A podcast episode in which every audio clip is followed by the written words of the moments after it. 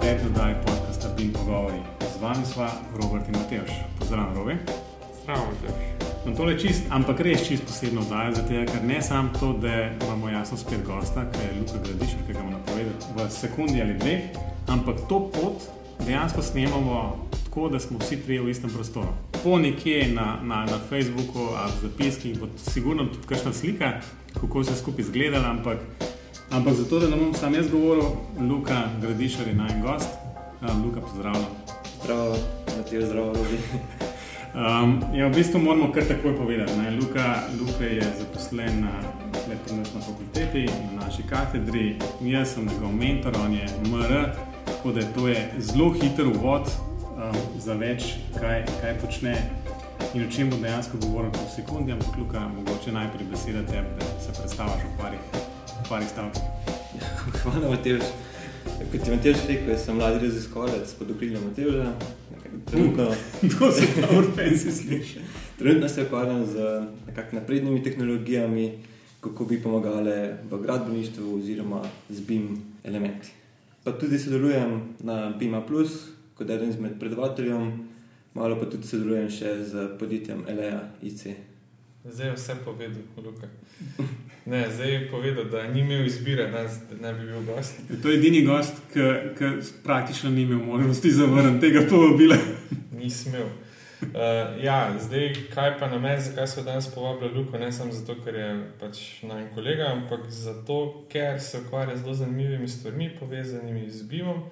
Gre pa za to, da je, da je pač začel uporabljati neke bolj napredne metode, ki nam lahko pomagajo pri ustvarjanju nekih rešitev v BIM okolju, pa bomo o tem mogoče malo več naprej povedali.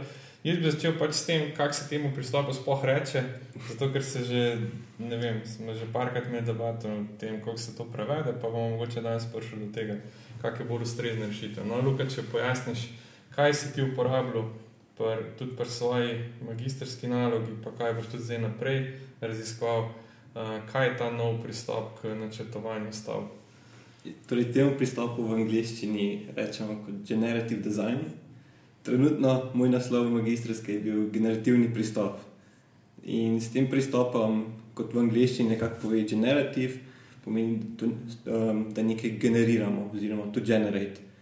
In s tem nekako preidemo um, pri ustvarjanju karkoli, oziroma pri ustvarjanju modelov in podobno iz faze samega načrtovanja cilja. Ja, sej, v bistvu vse se razume. Namesto da, da, da, da delaš, um, kako boš modeliral cilj, oziroma pač modeliraš kriterije, ki te konec koncev pripelje do tega cilja. ne. Ja, torej mi konstruiramo sam algoritem oziroma nek zapis tega modela, ki mu podamo cilje, parametre in podobno. In prega, preko tega generiramo veliko število rezultatov, ki nam potem pomagajo pri sami izbiri končne rešitve ali pri izbiri faze in nadaljujemo z samim postopkom. No, sej, jaz bi potem predlagal, da bi mogoče mi ta postopek na kakem primeru malo pojasnil, ker je to zelo težko razumeti, sploh če ni, če ni kakšne slike zraven ali kaj takega. Ampak dajmo mogoče zdaj na začetku sam uh, par besed povedati o tem, kaj ta pristop sploh pomeni, kakšne so glavne faze v tem pristopu. Pa kje sploh začneš? No, če se spomniš, tam je bila ena super slika, taka, kjer so štirje koraki, v, v, po katerih se sprehajaš uh, v, tem, v tem pristopu, pa če mogoče kaj več o tem. No. Ja, jaz najrajš začnem na začetku kot z eno ilustracijo, torej da se celo predstavi problem, ki ga želimo rešiti, kako ga želimo parametrizirati in kakšni bodo naši, um, kakšna bodo naše ocene, ki bodo povedale, ali je dizajn dober ali slab.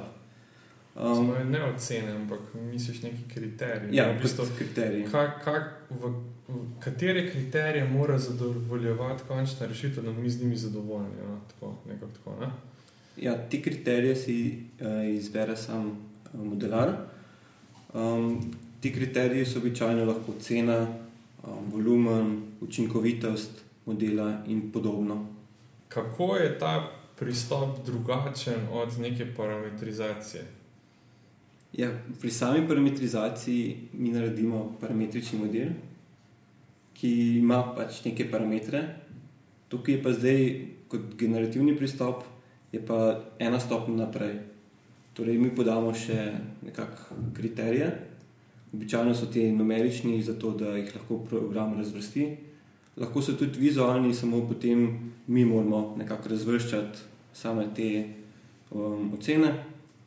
In s tem potem nam tudi program omogoča, da generiramo veliko število samih različic.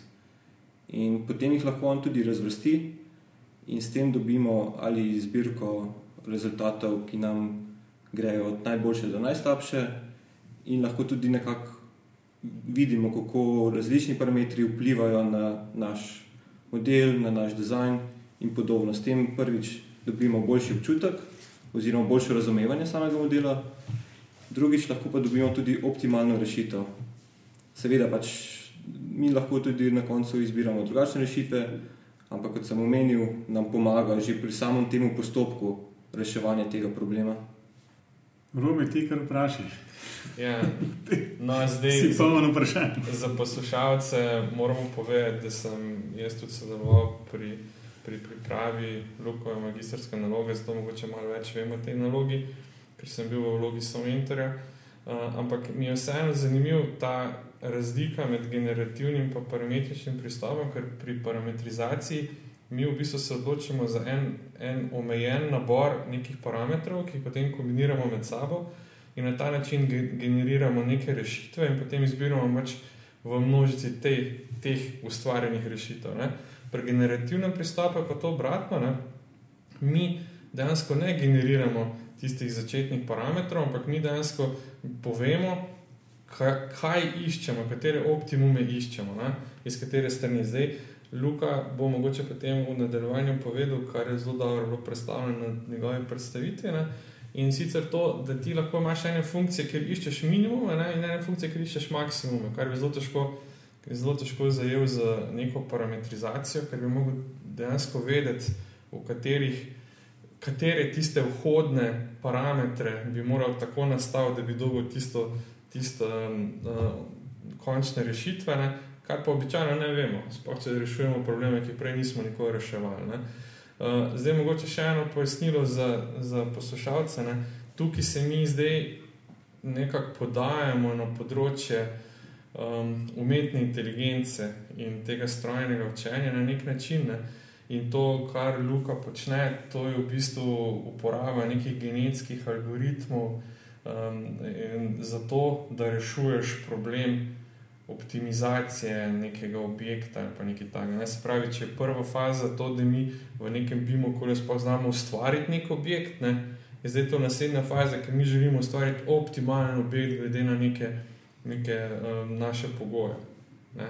Niti ne objekt, lahko samo en del objekta, pa ne mogoče eno, eno družino, če bi šel v Revit to delati. No? Zdaj pa mogoče lahko Luka me dopolni, če sem kaj zgrešil v, te, v tem pojasnilu. Ne, ne, mogoče, mogoče, če sem jaz ena, ena zadeva, ki se morda zdi malo za začetek uh, nemogoča, praktično, ne, da, bi, da bi na ta način načrtoval celo stavbo.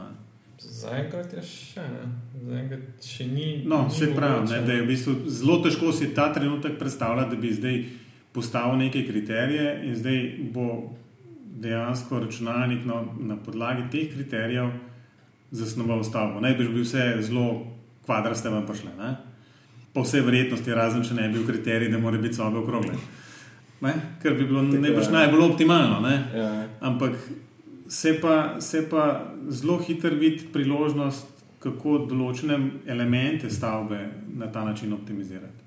Ali kakšne poti, ali hodnike, skratka, nekaj tazga omejenega, kjer se pa tak, ti kriteriji lahko bolj eksplicitno nekako določijo. Ja. Zdaj, zdaj sem videl, da mi da luka. Mi dva govorimo, ne, ne, Luka, zdaj je pa modro tiho. Ja, ja. Zdaj si mislil, da je to si čez grešil. ne, ampak mogoče bi tako, no, mogoče dajmo začeti tako, ne, na mestu, da na zdaj nasplošno govorimo o neki teoriji. Ne. Dajmo mogoče Luka vprašati, kako se on tega lotil, katero orodje je uporabil. Um, kaj je bilo pri tem pomembno, pa tako naprej, kje so bili mogoče kakšni problemi. Pa to, da bomo šli skozi en primer do tega, kaj generativni pristop sploh pomeni. No, Dajmo začeti pri tem, uh, katero okolje, katero BIM okolje si uporabil, pa mogoče kakšno specialno urodje. Mislim, jaz seveda vem, kaj si uporabil, ne? ampak poslušalci še ne vejo. Če mogoče lahko malo več poveš. Še predno se vrnemo na urodja, bi pa samo dodal par stavkov. Seveda, Um, ja, kot je Robi rekel, pri parametričnem model- modeliranju uporabljamo nek nabor parametrov. Uh, Kar je tukaj prednost, je pa, da nam računalnik sam poganja uh, iz tega nabora. Oziroma, on sam išče rešitve, sam spremenja parametre in pri tem dobi neke rešitve, eh, seveda jim proba optimizirati rešitve.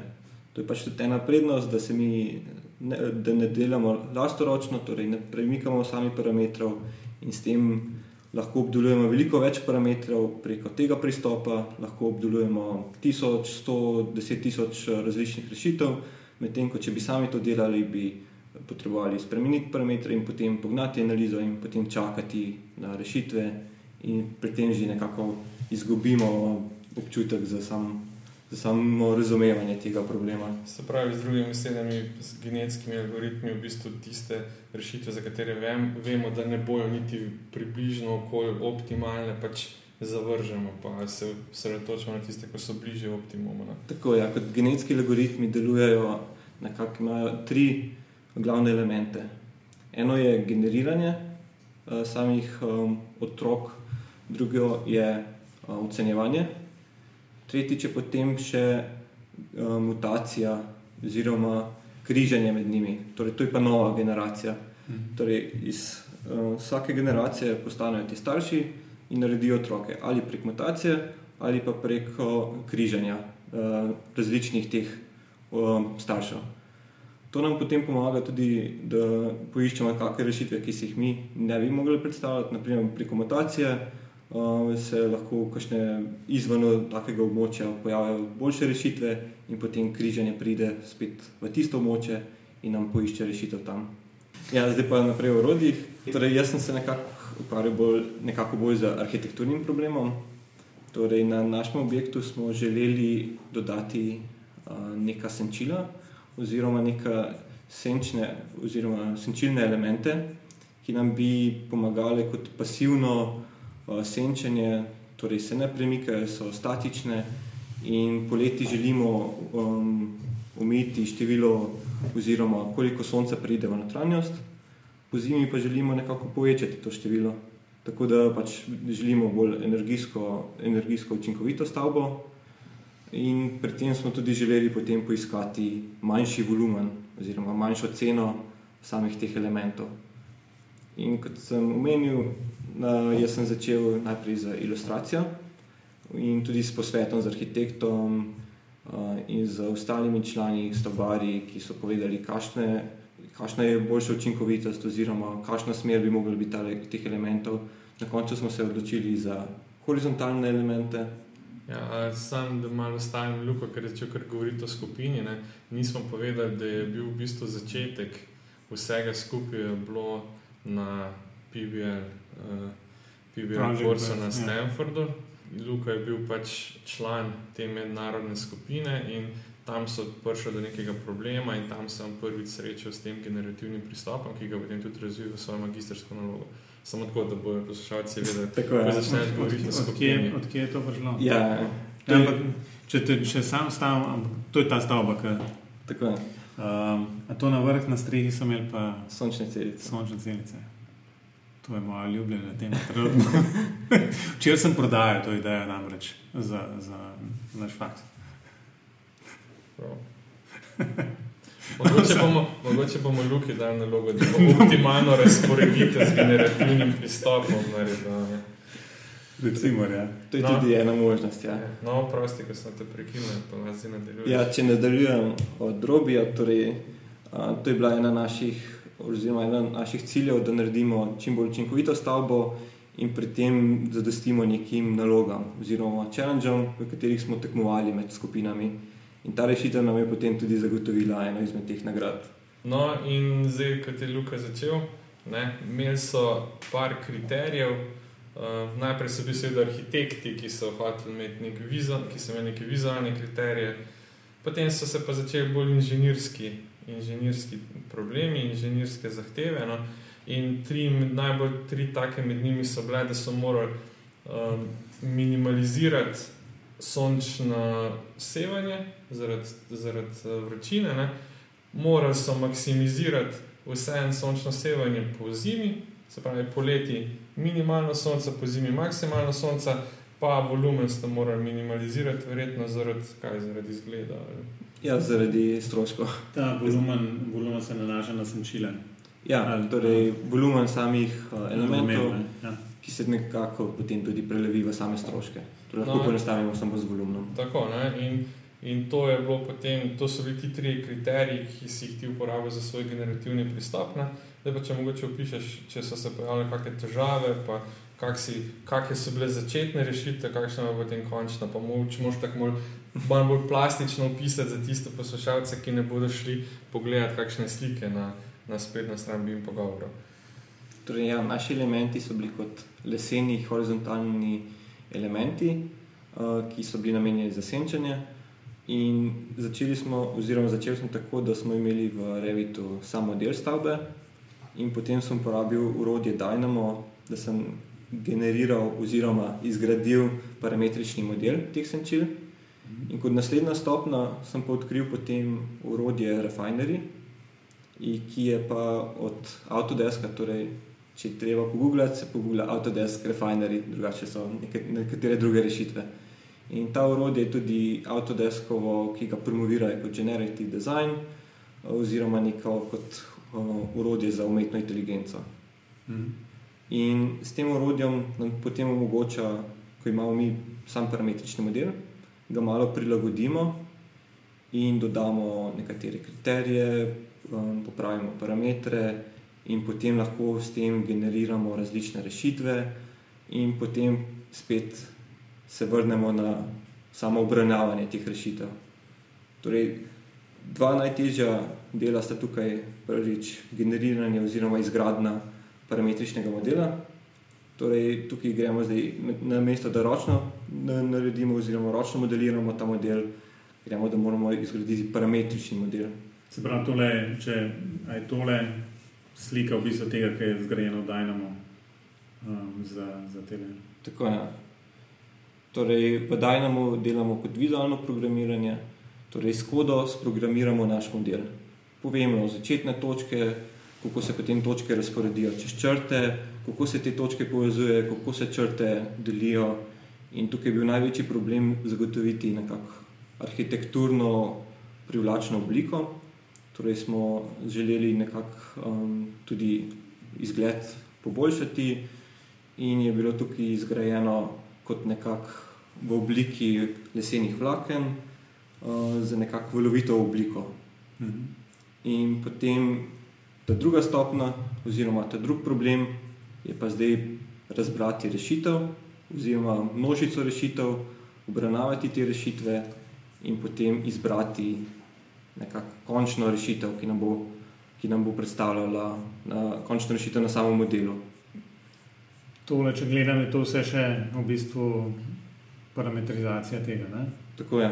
Torej, najbolj obsežni del je sama izgradnja Ja, ja, tega. tega parametričnega modela, potem pa lahko prilagajamo to kodo, to samo kodo, da dodamo kriterije, um, dodamo parametre, izberemo, katere bomo obravnavali, potem pa pridemo na samo generiranje rešitev in potem na analizo teh rešitev. In kako so tele valovi nastali? Čisto konkretno. Jaz so bili pa tako, da smo, sem upora- uporabil različne enačbe, torej sinusne in kosinusne enačbe, dobil presečišče med nekimi um, modelnimi črtami z temi horizontalnimi črtami, ki bodo predstavljene na koncu same lamele. In potem dodal, to, oziroma apliciral to enačbo na same te presečišča, in potem spet povezal nazaj te črte. Sliši se nekako enostavno, čeprav Ma, nisem to slišal, ne, ne enostavno. ja, Ampak bi rekel tole, najbrž bi bila tako zadeva bolj nekako pisana na koži enemu arhitektu. Ne? tako je. To, to ne bi bil na koncu arhitekt um, pripravil eno tako obliko, gradbenik pa bolj tisti z vidika optimizacije, potem pa Tako je. verjetno. Ne? To se lahko ponovadi upo- uporablja v vseh disciplinah. Kot jaz sem nekako se želel naučiti Dynamo oziroma izboljšati moje znanje samo Dynamo in sem pri tem tudi spoznal to urodje, samo Refinery in se med tem ja, zelo veliko naučil glede tega. No, in zdaj se pač poraja par vprašanj. Prvo je, koliko procentualno je bilo dela za izbiro tiste končne rešitve, pa če ste dobili oceno, koliko optimalna je bila, ker jaz mislim, da so vse eni kriteriji prevladali. Rekl bi, da tukaj prevlada, ok, en kriterij je bil zagotovo cena, drugi je bil pa tudi izgled. Ne. Zdaj, kako, koliko, koliko ste morali truda vložiti v to, da ste izbrali potem tisto končno rešitev? Torej, za končno rešitev nam je po mojem vse znano, da lahko bi delali do nedogled. Ja, zato sprašujem. Ja, lahko bi obravnavali te podatke nedogled, ampak časovno je nas je omejil tako, da smo pogledali, da je neka zad- zadošča neki ceni, torej ne prekorači neke maksimalne cene in poiščemo najbolj optimalno rešitev glede na to ceno. In kot sem rekel, obravnavali smo tri kriterije. In to je samo zato, ker če bi obravnaval samo um, ceno, vemo, kakšna je bila rešitev. Torej, tukaj bi takoj dobili ekstremno rešitev, torej ni nič elementov. Drugi kriterij je bil um, torej, sončna efektivnost oziroma eh, sončno sevanje poleti, torej, da nič, uh, oziroma nič uh, sonca ne pride v notranjost, ki nam bi segrevalo prostore. Torej, tudi, tudi, če bi samo obravnavali ta kriterij, tudi vemo, kakšna je ekstremna vrednost, torej, kar ravna površina, oziroma da se nič ne vidi. Ja, tema. Tretja rešitev je pa spet bila, oziroma tretji kriterij je bil pa a, sončno sevanje po zimi. Tukaj tudi vemo, ekstrem je pa Brez vsega. brez vsega. Tako da v bistvu načeloma, če, če povzamemo enostavno z enim kriterijem, nimaš kaj početi. ne. Tako. Um, razen če je ta um, nekaj, ki nima nujno takšne ekstremne vrednosti, ne, ampak um, Tako, to ne. je že druga zadeva. Ne. ja. Um, tako da zmeraj moraš nekako te kriterije ne kombinirati. Ne. In tukaj potem pridemo malo, malo bolj kompleksno optimizacijo, ki se ji reče več kriterijska optimizacija. In moramo spet pogledati nova, oziroma urodja, ki obstajajo za reševanje te optimizacije. Tukaj sem nekako uporabil urodje Paretova fronta, ki se pa uporablja tako, da se te kriterije prikaže na grafu, torej ali na 2D ali na 3D grafu. In kriteriji, morata, oz- oziroma oba kriterija, morata, biti, da jih želimo minimizirati oziroma maksimizirati. In ko jih lahko tako prikažemo na grafu, se lahko vidi nekakšna fronta, torej nekakšna krivulja se lahko uh, se izriše, ki, na kateri krivulji rečemo, da so te rešitve pareto optimalne. Uh, definicija je, torej, uh, če se nahajamo na krivulji, ne moremo na račun nekega kriterija zboljšati drugega. Um, torej, težko je to opisati, graf v bistvu tukaj. lažje je pokazati na grafu. Um, Kakšen graf tukaj je v nalogi, tak, ki se da to videti? Te grafe imam trenutno, kot sem jih uporabil za Bima, Plus, Ja. pa še zdaj za članek. Aha. So mal, malo bolj, Malo, malo drugačen. malo bolj jasni grafi, ja, Ja. ki se jasno prikaže ta fronta. No, ampak v bistvu me- meni je konkretno tale prikaz zelo, zelo lep, ne? kjer so očitno tole um, kriteriji, ki ima vsak kriterij svoj minimum in maksimum, Tako, ja. in potem se da um, z neko bolj ali manj tudi ročno optimizacijo tega, v bistvu teh minimumov, maksimumov, dejansko dobiti tri, štiri možne končne rešitve in potem pač to najbrž dodatno kaj poanalizirati. Ja, torej, znotraj tega pristopa se potem tudi uporablja oziroma sortiranje, filtriranje teh rešitev. Torej, kot sem omenil, tukaj lahko generiramo večje število rešitev, lahko tudi do tisoč ali več tisoč, in mi sami ne moremo vseh teh rešitev analizirati. Tako da se tukaj nam pomaga nekako uh, večdimenzijski graf, in tukaj lahko potem še sami določimo uh, meje teh parametrov, oziroma tudi meje kriterijev, in s tem omejimo naše rešitve na tisto izbrano množico. In če tako omejimo na deset izbranih rešitev, lahko enostavno teh deset pregledamo in vidimo, ali nam tudi te ustrezajo. Ja, to je še posebej pomembno, najbrž, če, če imaš nek kriterij glede vizualne podobe tega, nekdo mora na koncu to Ja. pogledati. Ne? V bistvu zdaj ne boš, um, da bi se računalnik to naučili, v bistvu ne boš še malo dlje od tega. Ja, tako je. ne. Tako da ne boš imel en arhitekt zelo hiter. Torej, Ja. ja, Dosti hitro odločitev, v bistvu to mu je všeč, to mu pa ni všeč. torej, tukaj se še ne rabimo bati, da nas bodo računalniki zamenjali. Torej, to je samo še urodje, ki pomaga samemu modelarju oziroma inženirju, ki ga uporablja. Na koncu še vedno je odločitev na nas. Torej, iz, teh množi, iz te množice rešitev moramo še sami jih pregledati, ali so nam nekako vizualno um, ustrezne, ali pogledamo še kakšne druge uh, um, kriterije, in tako se moramo sami še odlo- odločiti na koncu za končno rešitev. Zdaj se pa tudi nekako v razvoj gre, pa da se nekako ugotovi nekakšen algoritem, oziroma uh, uporabi še druga urodja, kot je deep learning, machine learning, da pa lahko tudi poiščemo, oziroma da nam program poišče eno rešitev in nam jo tudi to predlaga. Zdaj, če sem čist, zdaj, ker tole je končna rešitev, tukaj je na sliki. Ne? Tako je. Um, Ker tole gledam, v bistvu se, sem si, sem si pa sprašal, v bistvu, ne, tole očitno vsaka lamela je drugačna. Ne? To je moje vprašanje.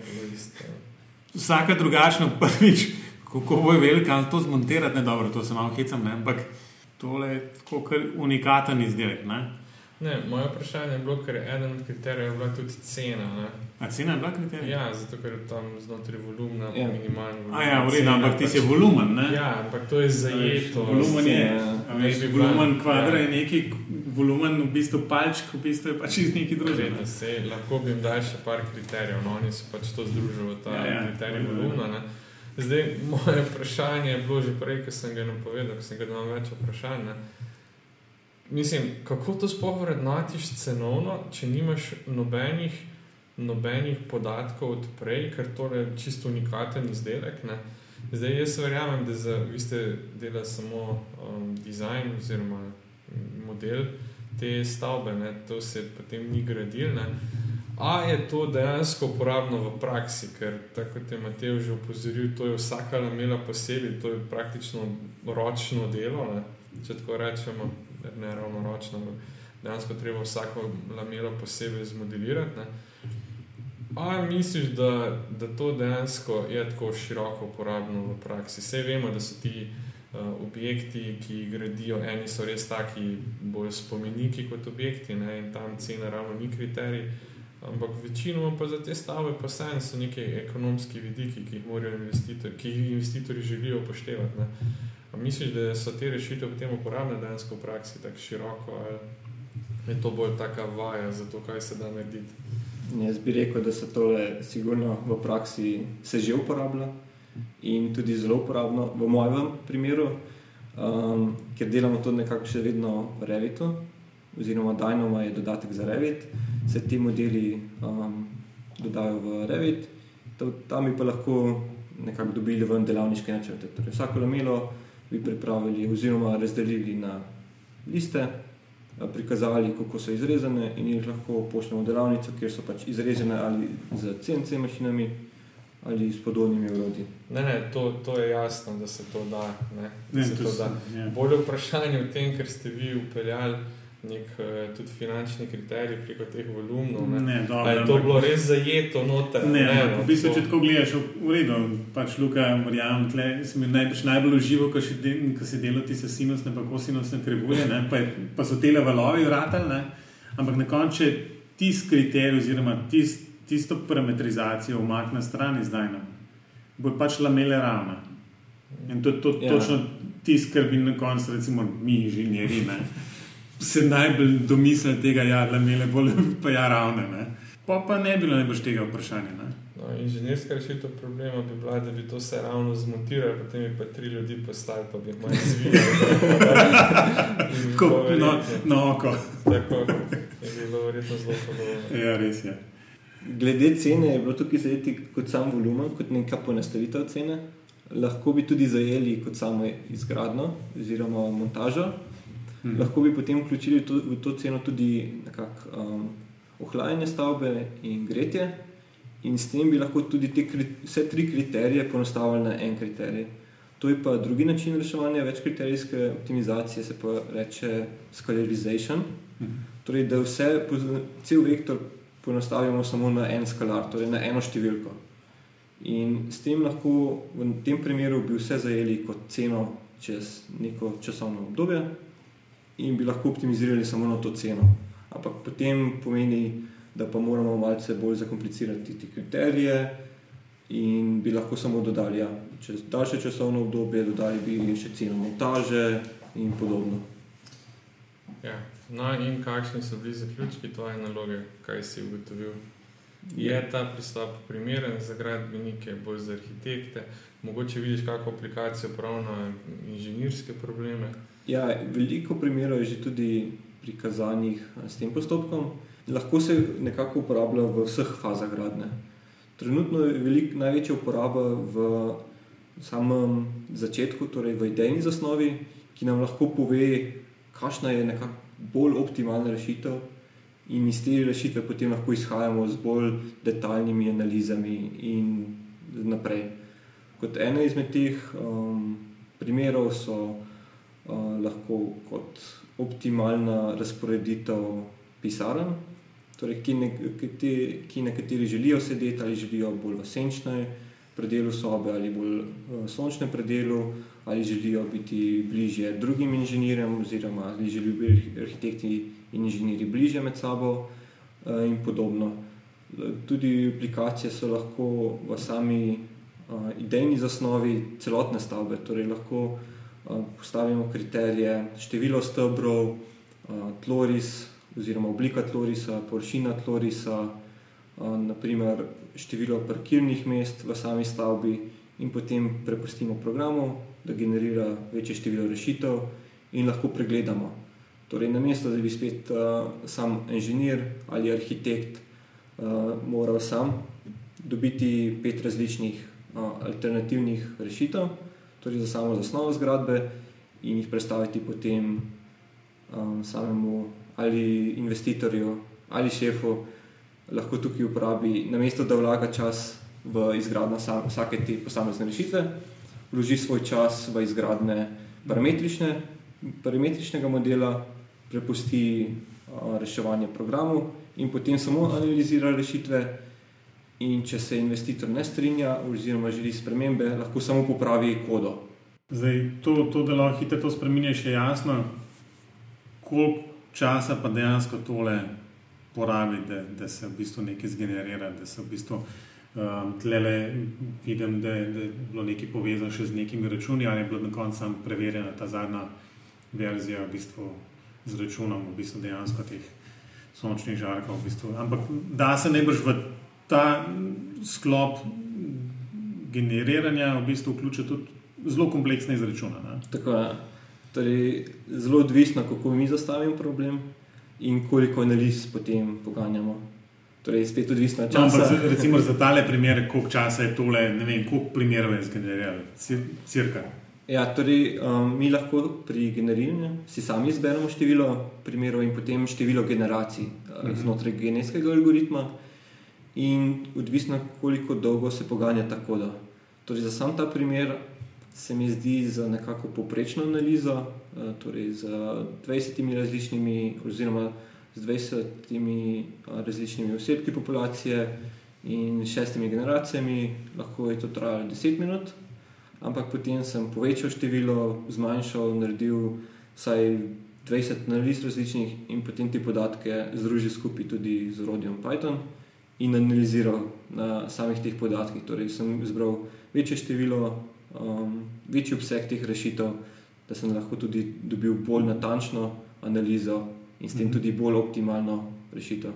Lahko pa tudi uporabljamo čisto manjše število, če smo s časom omejeni in na hitro generiramo manjše število. Ja, um, vse genetske algoritme no, v bistvu zagotavljajo, da se skozi ugibamo v okolici teh optimalnih rešitev. Ja. Z večjim številom se samo mogoče malo bolj približamo temu optimumu, ampak pri večjem številu kriterijev je ta optimum vedno širši. Kot, mm. ne, vedno zbiraš mm. tem neko povprečje. Zelo odvisno je od, ja, od, tež, od kompleksnosti problema oziroma kode.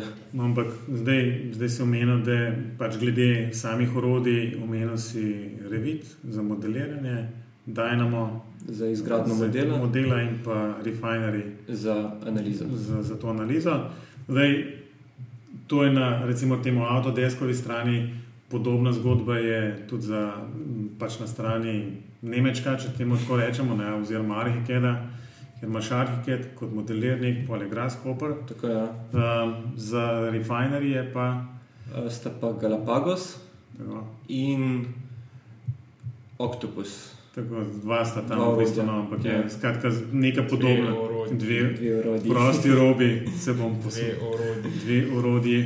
Um, skratka, posod se najde neka taka zelo zaključena, lepo integrirana zgodba, kjerkoli urodje, um, za katero ti ponovadi začne z modelirnikom ne, in polno okoli tega napleteš vsa ta urodja. Ja, stano so pripomočki. Ja, res. Um, ja, da namo robi že na uro gleda, ker sem v Dina predavanja. ali kaj. Noč ne gremo. Um, bomo počasi zaključili. Um, to je bila ena taka, ne vem, kot rečeno, posebna oddaja, da smo sploh skole trije skupaj sedeli. lahko še eno vprašanje, preden zaključimo Ne. za Luko. Kaj bo pa naprej? Recimo, zdaj si uporabil ta refinerij, videl si, kakšne so možnosti, pa to, a, kakšne so pa plani za naprej. Zdaj v okviru vem, da, da boš delal nekaj v smeri umetne inteligence. Pa to, a, že imaš kakšno idejo, zakaj bi se dal praviti, kako bi to razširil, kako bi to drugače uporabil. Je, trenutna ideja je upraviti zdaj še malo bolj napredna orodja, torej machine learning, deep learning, te, ki so bolj znane kot uh, AI, torej umetna inteligenca, in s tem nekako samo uh, programu povedati, kako on sam pride do rešitve. Torej na nekem naboru, na nekem učenju, uh, pridobiti eno rešitev, ki jo potem nam predlaga. Se pravi, bi lahko potem ta pristop uporabil, zdaj si reševal pač nek, recimo, vizualni arhitekturni problem, ne? da bi to uporabil, ne vem, da bi ti generiral optimalno os za nek predor. Pa bi lahko. Bi bil recimo kriterij Ja. minimalna dolžina, ne vem, minimalne, minimalni volumen izkopa, recimo, ne? kaj takega, bi šlo to. Sigurno, to je tudi ena mojih želj, oziroma uh, načrtov, ki ga želim trenutno tudi uh, se osredotočiti na njega. Pa tudi, ja, bolj na tunele, na tunelsko os- optimizirati to, ker tam tudi vemo, da lahko zelo prihranimo, če dobimo optimalno rešitev. Ja, tam je z minimalnimi spremembami lahko maksimalne prihranke dosežeš. ne. Ja, saj Zato to- se mi zdi to idealno. Sej tudi v bistvu, no, okay, to je tunel, ampak imaš pol tudi v bistvu Most. cestogradni mostovi. Ja. Ja. V bistvu kaj, ne vem, tretja razvojna os, v bistvu tam se, ne vem, že 20 let Tretja razvojna os, odlično. Malo smo prepozni. Ja. No, ampak aj že določena trasa. Najbrž je, pa ampak se drugi še tir, vmes, ali pa se kregajo še zmeraj najbrž. Ne? Ja. Tle bi saj prišel pa preko. Jaz nisem nič kriv, tako računalnik zračun. Jaz sem kriv samo, da sem med štirimi opcijami Ja, pa tam. Slučajno sem dal kriterij, da gre to čez mojo parcelo. Mogoče bi noter stal političen kriterij, kot je isti, kot je zdaj. Ja, sigurno ne. Ampak vsaj nekje v kodi bi bilo zapisano, da je to jasno bilo videti. Ne? Zdaj pa v bistvu, uh, ok, zdaj to raj. Zdaj smo zašli. Zašli smo. Um, je neč, um, to je to za tole oddaja, ki je bila, kot rečeno, posebna glede tega, da smo tukaj sedeli, pa tudi zelo skoncentrirani na eno temo, ki je bila tudi želja nekaterih, da se bi jim pogovori nekako bolj um, osredotočili na neko konkretno temo. Tako da je na tem mestu Luka, če si omenil priporočila, kakšno priporočilo imaš za naše poslušalce? Predvidevam, da kar priporočam Autodesk Refinery. Ja, jaz vam priporočilo tiste, ki mogoče malo bolj zanima tema današnjega pogovora, ne si prebere Lukovo magistrsko nalogo. Pa zdaj bom napovedal javno, da ne bo mogel Luka potem reči, da, da nismo napovedali, da pripravljamo članek za gradbeni mestnik. Tako da, Lahko pričakujete, bomo rekli, še v letošnjem letu. Zdaj, ko smo na začetku. Ja, ne. uraden datum za Luko je pa pred poletjem. Um, ne, neč, um, Luka, kje te lahko poslušalci najdejo in vprašajo vse o refinerju konkretno? Ali na LinkedIn, ali preko maila, torej mail pa tudi najdete na spletni strani fakultete, ali luka.gradišar.afnafg ali gmail. Okay. Bomo to tako tako polinkali, rovi. Še vedno na robu, tako da finc.net. Ja, pa tisto, info, bim pogovor, ja. Info, afna, bim pogovor. to bi moral vzeti. ok, super. Um, da jaz upam, da bo Luka dal kakšne lepe slike, jih bomo vključili v, v zapiske, tako da najprej, najprej na zapiske, sprav na bim pogovor.si in tam najdete zadnjo oddajo. Na Um, YouTube ni treba. Na YouTube, absolutno, tam se treba, ne vem, smash this button, pa kako že to rečejo, pa like it, pa ne vem, v tem smislu vse Subscribe. subscribe, please, ne. Ja. Um, ok, lepo robi, da sem jaz spomnil, da moram to povedati. Um, ker novoletne rezolucije, drugače bi že šle skozi okno. Um, um, ja, neč, to je vse za danes. Um, Luka, najlepše hvala, da si si vzel čas. Ja, hvala vam. Um, tako da um, se slišimo spet malo. Do naslednjič. Ja, adijo.